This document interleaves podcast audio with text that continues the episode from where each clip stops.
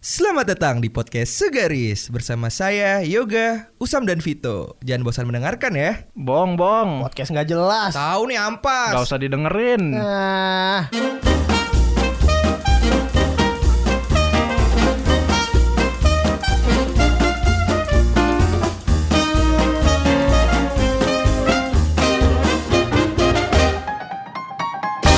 Ya balik lagi sama kita di podcast Garis. Jadi ini udah episode kelima ya. Sesuai janji kita, kita akan eh, m- membuat eh, podcast Garis ini menjadi dua kali dalam seminggu, yaitu dia ada di hari Rabu dan di hari minggu. Betul sekali pemirsa ya. Kali ini kita akan bahas suatu topik di mana yang topik ini dari dulu itu nggak pernah hilang. Sampai sekarang tuh ada. Jadi Sam- timeless. Iya. Sampai sekarang tuh tetap in, tetap hot, tetap jadi trending topik di mana-mana. Hmm, Apa coba? hot in cream. Iklan. Belum ada sponsor, Bang. Sabar. Eh, Apa coba? Ah, apa ya? apa ya? Covid. Enggak, salah. Bukan. Depan Ini. depannya P, Belakangnya, M, tengahnya. P. Semuanya dong. ya kita akan bahas tentang ppkm ya ppkm tuh nggak pernah nggak pernah berhenti jadi perbincangan di seluruh eh, umat manusia di Indonesia dan di luar negeri ya eh, luar Kenapa? negeri ada ppkm tapi Kenapa tuh? Karena sampai sekarang diperpanjang terus Oh iya. masalahnya adalah Apa? ini kasihan Maerot gitu Kenapa? perpanjang terus Justru enak dong dia. Banyak yang datang. Banyak rezeki bang. tiap hari tuh pasti kalau Maerot buka email banyak email iya. perpanjang dong perpanjang Ma Maerot Maerot 2.0. Di Instagram juga banyak banyak yang nge- nge-tag dia. iya followersnya udah banyak loh sekarang Iya kan Instagramnya apa? Maerot official. Bukan cowok. At Maerot memperpanjang segala hal. masalah juga nggak, bang Iya. Jadi di episode sebelumnya kita tuh pernah ngebahas tentang cita-cita ya. Jadi iya. eh, dari Usam tuh waktu itu gue inget nih cita-cita tuh menjadi pilot awalnya. Emang iya. ya? Iya, jadi pilot tapi sampai bokapnya tuh nyari-nyari info ke mana-mana. Oh iya benar Mau benar. jadi pilot. Nah Vito dulu cita-citanya mau jadi pemain bola, ya kan? Yo, Nah semua itu kan kandas ya. Mm-mm. Itu kandas aja nggak karena ppkm. Nggak karena ppkm aja kandas. Ah itu bener. Nah, apalagi itu sekarang kondisi di ppkm tuh. Yo, Lu bayangin. Hmm. Ya udah bayangin aja. Nggak usah dijawab, bayangin aja. Limbat lu. Tunjangnya dua nih. Kenapa jadi tunda? Emang lima orang Padang. Geser dikit dong. Apa? Kok Ya udah. Padahal geser dikit gue. Gue ketahuan sama kotanya anjing. ya jadi kan gini ya. Eh, lu bayangin ya, lu bayangin semua nih di sini ter- teman-teman gue. Benar. Jadi kalau seandainya cita-cita lu itu terjadi yang lu pengen itu terjadi di saat pandemi, men. Iya, contoh kayak pemain bola tadi. Bener. Misalkan lu tuh ya jadi pemain bola. Saat pandemi lu mau virtual latihannya. enggak. Gimana? Jadi kiper nih. Weh, gua tendang gitu kan. Gila bertanding bola 11 orang virtual. Di Zoom semua tuh. Makanya lu bayangin itu kan, susahnya kayak gimana coba. Coba Usam jadi pilot, pilot masih bisa sih kayak pakai ini ya. Apa? Oh, pakai simulator. Simulator. Yo, iya. Iya, atau enggak misalkan jadi dokter, ya keluarga lu sendiri lu apain gitu kan. Oh, Kalau virtual ngadunya bukan di Zoom gitu, yang PS online cu di FIFA. Jadi Oh. playernya mainin timnya Oh iya bisa juga bisa juga kayak gitu. Tapi kan fisik lo jadi nggak terlatih kan. Ya, Ya, makanya sambil main PS sambil push up, sambil Anjing. squat jam. Nah itu loh maksudnya kayak sekarang ini tuh jadi ppkm malah lebih menurut gua jadi lebih mempersulit gitu.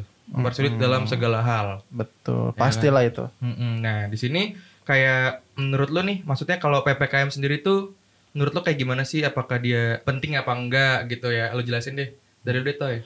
Sebenarnya kan kayak PPKM ini kan eh, plus minus ya buat orang banyak ya. Mm-mm. Di satu sisi kan kalau buat yang eh, dagang atau usaha justru mereka keberatan dengan hal PPKM ini loh sebagian orang. Enggak enggak seluruhnya sih. Mm-mm. Ya karena pendapatannya berkurang atau jadi sepi dagangannya. Mm. Kalau yang nggak punya toko online ya maksudnya. Mm. Hmm. buat ojol-ojol driver juga tapi sebagian buat pekerja ini suatu hal yang menguntungkan bagi mereka karena Contohnya. ya WFH ini Oh. Mm. karena nggak selalu datang ke kantor kan Benar. nah untuk ya makanya ini jadi kan jadi plus minus sama perdebatan tuh dari kemarin-kemarin di sosial media kan Iya. Tapi pemerintah emang tetap eh, solusinya dari mereka harus PPKM ini. Jadi Hmm. jangan-jangan nih kayaknya PPKM ini kan dicicil-cicil terus ya. Jangan-jangan kayak udah ditetapin gitu kan. Iya. Setahun nih, tapi dicicil per minggu jadi sampai tahun berapa? sampai tahun Iya, berapa, mungkin berapa. biar ini kali ya, biar masyarakat Indonesia tuh kayak nggak langsung panik gitu, kayak punya apa namanya? Tapi bahasanya? tingkat kepanikan sekarang juga kata gue udah ini sih udah maksudnya udah kayak berkurang nggak nggak kayak yang Benar, dulu Iya ya. kalau itu pasti. Enggak maksudnya coba pemerintah menetapin PPKM kayak eh kita perpanjang sampai 2022. Ah, Hmm. mampus nggak lu? Langsung kan orang kan kayak mindsetnya bukan mindset ya apa ya? Oh, Bahasa iya. psikologisnya tuh apa sih? Gue gak ngerti lah itu. Ya kan Iya. tentang tentang tentang kayak gitu maksudnya lebih lebih panik kan kayak ada Benar-benar. Tapi Gitu. juga ya sebenarnya itu bukan alasan utama dia pemerintah nggak ngomong langsung sampai paling lama Ditetapkan, berapa gitu kan Hmm. lebih ke fleksibel ngelihat situasi dan kondisi. Iya. Jadi makanya nggak bisa kayak yang misalnya oke kita ppkm selama Setahun. tiga bulan setahun, iya nggak bisa juga gitu. Ditambah sekarang ppkm ini ya menurut gua udah kayak ini sih menurut gua udah biasa banget karena gua kemarin beberapa kali udah sempet keluar. Hmm. Nah itu menurut gue jalanan udah hampir kayak normal ya, udah hampir kayak normal, Udah udah, padat sih. ya, udah macet gitu. Nah tapi ini, ini kan lu ngomong panjang lebar ya. Lu tau gak singkatan PPKM apaan? Mampus nih, Usam nih. Ini Usam ya. Coba gua tanya singkatan PPKM apa? Pembatasan Iya. pekerjaan, Ini nih. pembatasan, Tolong pemerintah pembatasan, pemberlakuan pemberlakuan pembatasan apa sih? Kegiatan. kegiatan menengah. Waduh. Eh, coba kita tanya ahli ya. Silakan dokter. PPKM Eh, Hmm. P pelan P pelan K kita M menjauh. Anjir nih gue nanya serius. Kayak, Lu tau gak singkatan PPKM itu apa? Tahu lah. Apaan? Pemberlakuan pembatasan kegiatan mahasiswa kan Anjir, Tanda mulu. Gue keluarin lu. masyarakat. Ah, itu jadi kayak ya, tapi gue mau nanya nih ya, itu kan tentang PPKM itu sendiri ya. Maksudnya banyak banyak apa ya? Banyak sebenarnya ada hal positif, ada hal negatifnya, tergantung gimana menyikapinya ya kan. Hmm. Tapi nih, kalau PPKM itu sendiri menurut eh bukan menurut ya, maksudnya kondisi lo dengan kondisi lo tuh kayak gimana sih? Kalau buat gue sih menguntungkan kalau menurut gue pribadi Hmm, karena gimana? eh, WFA WFO jadi gue kan nggak sepenuhnya WFA kan ya kantor gue. Mm-mm. Jadi selang-seling. Jadi semisal WFA itu ya, menguntungkan buat gue pribadi sih karena Irit tongkos. iya irit ongkos. Ah. Terus eh ya jauh dari kerumunan aja karena gue kan kalau ke kantor naik kereta sama Hmm. busway naik Iya, public. Tapi transportation ya. toh banyak juga temen gue yang WFH dia malah ngeluh karena pekerjaannya jadi makin banyak. Nah, ah, emang iya. Iya, jadi kayak dituntut kayak 24 jam nonstop gitu loh harus Mungkin setiap dia- siap menerima panggilan. Nah, itu tergantung dia eh, Dia security reguler, reguler apa shifting. Kalau shifting ya iya tetap 24 jam. Maksudnya yang shifting misalkan masuk malam ya harus standby. Kalau gue Iya, tapi kan balik lagi ke kondisi lo tadi kayak maksudnya lo malah menguntungkan untuk PPKM. menguntungkan kalau gua- menurut gue. Tapi misalkan lu WFH emang lu nggak ada rasa bosan gitu? Misalkan kayak Kalau WFH, ya kan lu WFH mulu nih kan kantor lo kan WFH nggak ada rasa bosan kayak anjir gua di rumah mulu. makanya gue selang-seling nggak nggak bosen. Nggak, maksudnya nggak WFH total kan, kadang juga WFO. Rasa bosan di dalam hati. Waduh. Rasa bosan di, Di dalam dalam hati. Dasar, Hilang anjir. dan tahu. Ah, tahu-tahu apa? pergi. Bongkar, bongkar, bongkar.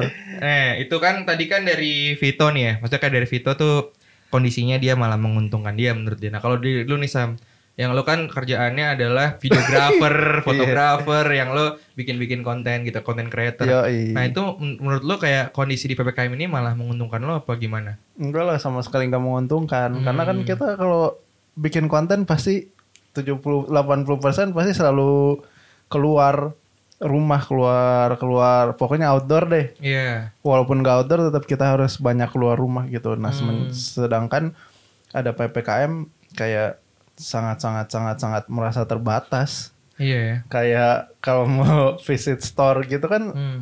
apa tenan-tenan banyak yang tutup. Jadi kita nggak bisa Iya. ngambil konten di situ. Cuman gue kemarin dengar dengar ini ya sama baca baca berita sama dengar cerita gitu ya dari Yoi. dari media sosial tuh katanya sekarang lagi ada musim fotografer via Zoom Sam. Iya, ini photoshoot Nah, itu virtual. si Render Rais. Iya. Nah, itu maksudnya kayak gimana sih Sam kalau kayak gitu konsepnya menurut lu? Iya itu sebenarnya udah lum- dari awal pandemi udah lumayan naik sih itu di Hmm. di nggak tahu sih kalau di Indonesia di luar negeri gue udah beberapa kali lihat. Hmm. Jadi zoom aja. Jadi zoom di layarnya si Nah iya fotonya di layar itu. nah ya si modelnya itu kita zooming zoom bareng Hmm? terus modelnya di depan kamera webcamnya ya dia disuruh bergaya aja. Oh. Nah nanti kita tapi kita foto dia tetap pakai kamera. Kenapa nggak capture aja? Ya bisa juga sih cuman Kualitas. kayak ada eh, warna-warna tersendiri kalau kita ngambil dari ini Oh. pakai kamera lebih lebih unik aja gitu Iya, iya. Berarti berarti ide-ide kreatif tuh bakal muncul ya. Maksudnya kalau di PPKM benar. ini kayak kita kan gak kepikiran tuh zaman dulu. Iya. Foto di layar kan. iya Apalagi lensa kalau ketemu layar atau sendiri kan, Hmm, kayak ada garis-garis Kayak gitu kan. flicker namanya. Ya, flicker gitu kan. Hmm. Nah, maksudnya jadi muncul ide-ide kreatif gitu. Nah, Benar. itu termasuk juga dampaknya buat orang-orang. betul Jadi contoh nih, gue mau ngasih tahu kayak di sini tuh dampak PPKM tuh eh, nggak cuma maksudnya nggak cuma untuk karyawan aja ya WFH WFO gitu. Tapi dampaknya juga ke pedagang yang tadi Vito bilang pertama Betul. kali. Terus ada juga nih di pelajar-pelajar. betul Sekarang kan eh, belum bisa tuh untuk sekolah Tatap tatap muka, muka. ya kan? Hmm. Maksudnya masih lewat Zoom. betul Nah, terus menurut lo dampak buat siapa lagi nih selain itu gitu?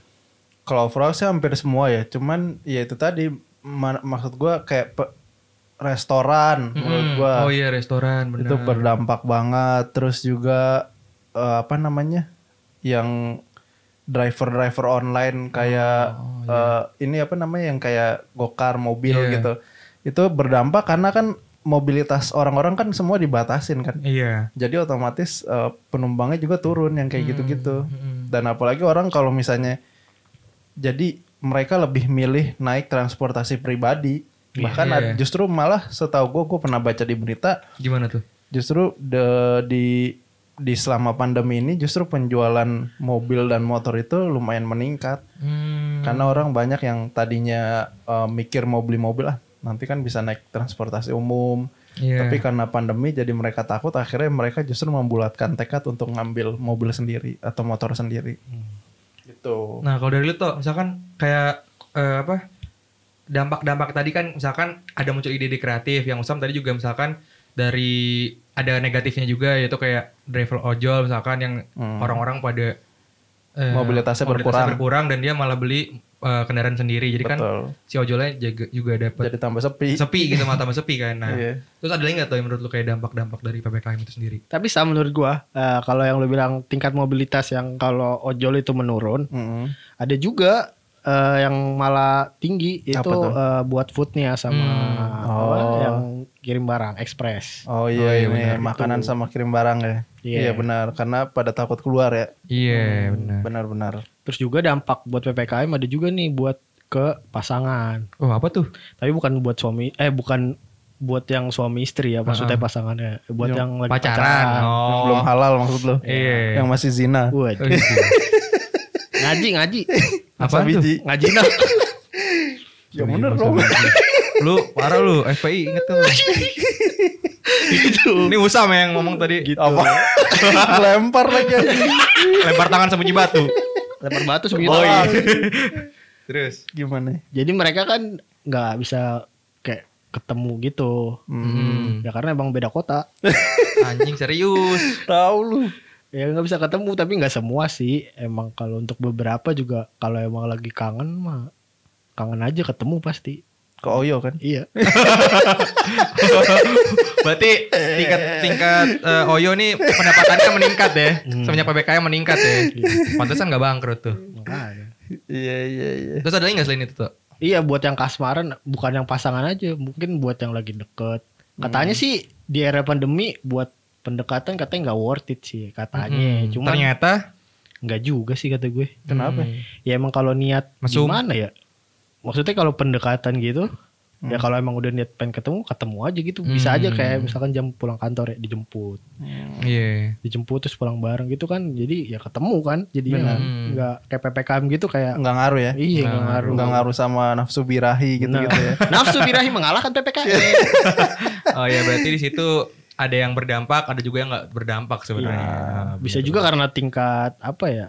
apa Apa sih yang ketakutan nggak dulu kan kayaknya Oh, wah, udah orang-orang udah nggak parno. iya udah nggak parno Hmm. lagi parnonya udah berkurang sekarang Sekarang Iya, malah pada porno. nah Eh, tapi kalau dari mm, dari ini gue mau nanya ya, maksudnya kalau dari lo nih Sam, Hmm. itu ada nggak solusi sendiri buat ppkm itu? Ada solusinya. Apa? Apa tuh? Nggak usah ppkm. waduh susah solusi termanjur Serius, maksudnya kan gini gue ngelihat ya Sam ya, maksudnya Eh. kayak penyekatan. Hmm. Solusi dari pemerintah adalah penyekatan ya kan, bener kan? Hmm. tadinya Tadinya, terus diganti Jadi apa? jadi Sekarang ganjil genap. Oh iya benar. Ganjil genap. Nah, menurut gue itu nggak worth it sama sekali karena gue sendiri efektif, ya, nggak efektif. efektif, nggak efektif karena gue nih, gue jalan nih, mobil gue genap, eh ganjil, Hmm. gue lewat kemarin gue sempat ditilang, Hmm. tapi gue nanti di, di cuma dicek sim sama STNK-nya, terus disuruh ambil jalur kiri katanya, mentokin kiri aja Iya, terus mem- mas. memang gak ditilang kan? Nah iya maksud gue, gue tetap bisa lewat nih Iya. gitu. Hmm. Terus maksudnya kayak gue masih bisa lewat jalan-jalan lain alternatif karena kan Benar, benar. eh, waktu di awal-awal Jakarta belum pandemi kan tuh udah ada ganjil genap ya. Benar. Waze Waze pun itu bisa ngasih jalan buat yang nggak ganjil genap gitu loh. Benar. Maksudnya kayak menurut gue itu nggak efektif gitu. Iya, makanya. Nah itu contohnya. Kalau dari lu ada nggak nih Sam solusinya? Ada kalau solusi gue mah pada intinya mah edukasi sih. Edukasi ya. Edukasi dari pemerintah tentang gimana kita menyikapi ini. Walaupun Hmm. memang pada intinya sih nggak bakal bisa diterima semua orang ya. Hmm. Karena kan tetap aja orang kalau yang memang kerja lapangan itu menurut gua hampir mustahil lah untuk meninggalkan itu kan. Iya. esensial ya Betul yang Jadi yang menurut lu esensial. yang lebih baiknya gimana?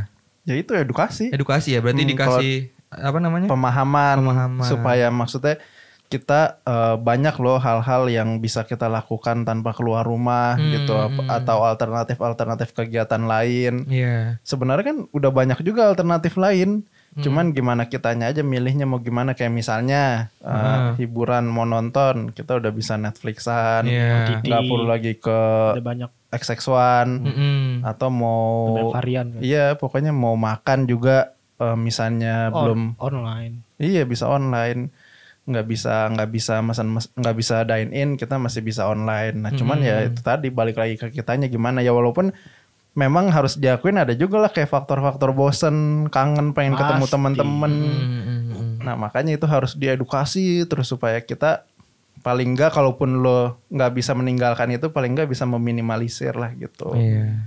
Kalau dari gue sih gitu. Setuju gue sih. Kalau dari lu, Tok, maksudnya kayak ada nggak solusi yang kira-kira, wah menurut gue sih lebih efektif kayak gini.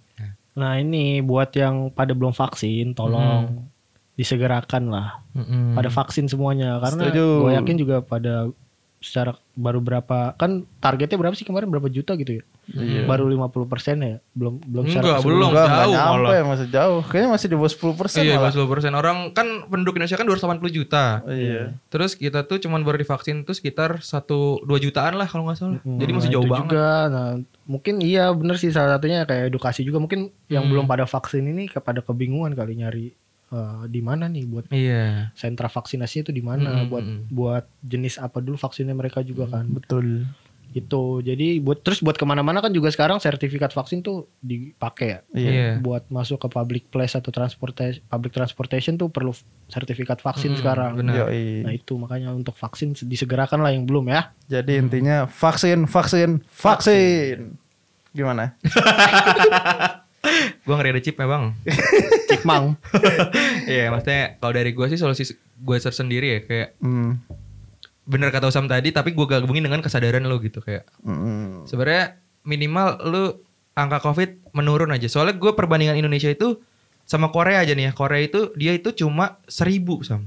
Kita bisa sampai 40 ribu gitu. Hmm. Tapi Jadi- sekarang kan udah enggak kan? Apanya di Korea? Masih di Korea itu masih. Hmm, ya terus. Jadi jauh banget perbandingannya karena memang katanya orang sana itu tertib banget. Hmm. Saat lu dikasih tahu A, ya A gitu. Ya, Kalau orang iya. sini kan kasih tahu A, ah orang orang peraturan buat dilanggar kan gitu. maksud lu Korea Korea Utara ya Kagak. Korea Utara tembak mati anjing. Nah, jadi gitu. Jadi benar-benar harus tertib lah untuk diri sendiri gitu. Lagian ini buat lo kok bukan buat orang lain. Eh maksudnya buat orang lain juga tapi Buat emang lo dan sekitar iya buat lo sama keluarga lo gitu loh. Yoi, Soalnya setuju. iya soalnya kalau lo yang kena kan keluarga lo juga pasti kena gitu kan kasihan. Soalnya Benar. gitu maksudnya. Terus gue mau nanya nih kayak lo punya nggak sih keresahan tersendiri untuk di ppkm ini? Apalagi untuk dampaknya ke orang-orang luar ya, ke orang-orang banyak gitu. Hmm.